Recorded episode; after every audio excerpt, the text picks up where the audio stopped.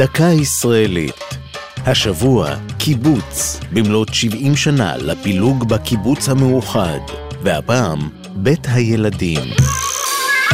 לעת ערב, בפטפוטים שלפני השינה, ברגעי החרדה מחושך, מבדידות או מסיוטים, נותרו ילדי הקיבוץ לבדם.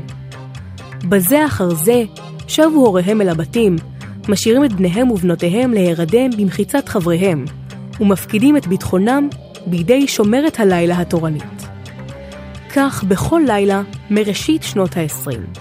לילדים היו בתי הילדים מעון קבע, בו אכלו, התרחצו ולמדו בשנות בית הספר היסודי, וברוב הקיבוצים המשיכו ללון שם עד גיוסם לצבא. תחילה נוצר רעיון הלינה המשותפת כמענה לבעיה מדאיגה.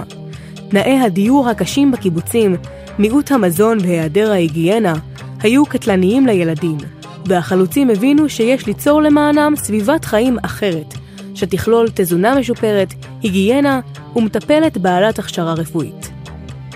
משנפוץ הרעיון, חשו החברים כי למסגרת השיתופית יש יתרונות כמו שחרור ההורים לעבודה וחינוך לחיי הקבוצה. ואולם, מאמצע שנות ה-50 וביתר שאת משנות ה-70 כשבגרו הילדים, נשמעה ביקורת עזה על החסך ההורי בשנות החיים הראשונות. חלק מהבוגרים סרבו לחנך את ילדיהם באותה דרך. ב-1997 ביטל אחרון הקיבוצים, ברעם בגבול הלבנון, את הלינה המשותפת. זו הייתה דקה ישראלית על קיבוץ ובית הילדים.